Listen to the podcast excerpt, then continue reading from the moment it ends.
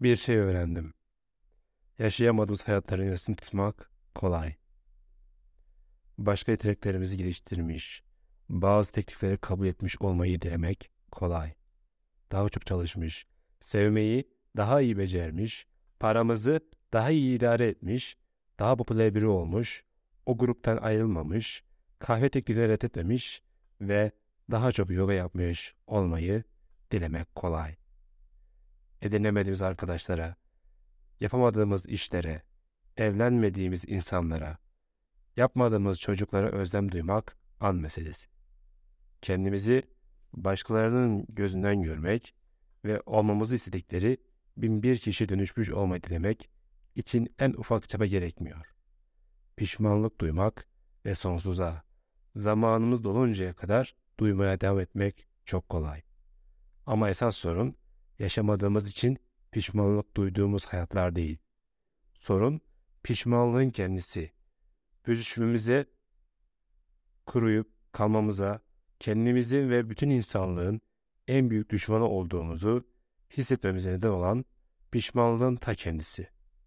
Olası hayatlarımızdan herhangi birinin bundan daha iyi mi yoksa daha kötü mü olacağını bilemeyiz.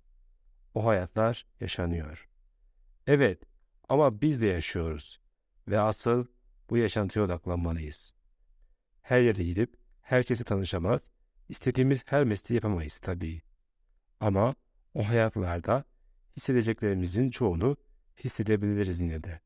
Kazanmanın nasıl bir his olduğunu anlamak için bütün sporları yapmamız gerekmiyor. Müziği anlamak için gelmiş geçmiş bütün müzik eserlerini dinlememiz gerekmiyor. Şaraptan zevk alabilmek için bütün dünyadaki bağların üzümleriyle yapılmış bütün şarapları tatmamız gerekmiyor. Sevgi ve gülmek, korku ve acı bu hayattaki en geçer akçeler. Gözlerimizi kapayıp önümüzdeki içeceğin tadını çıkarmak ve çalan müzikle dinlemek yeterli.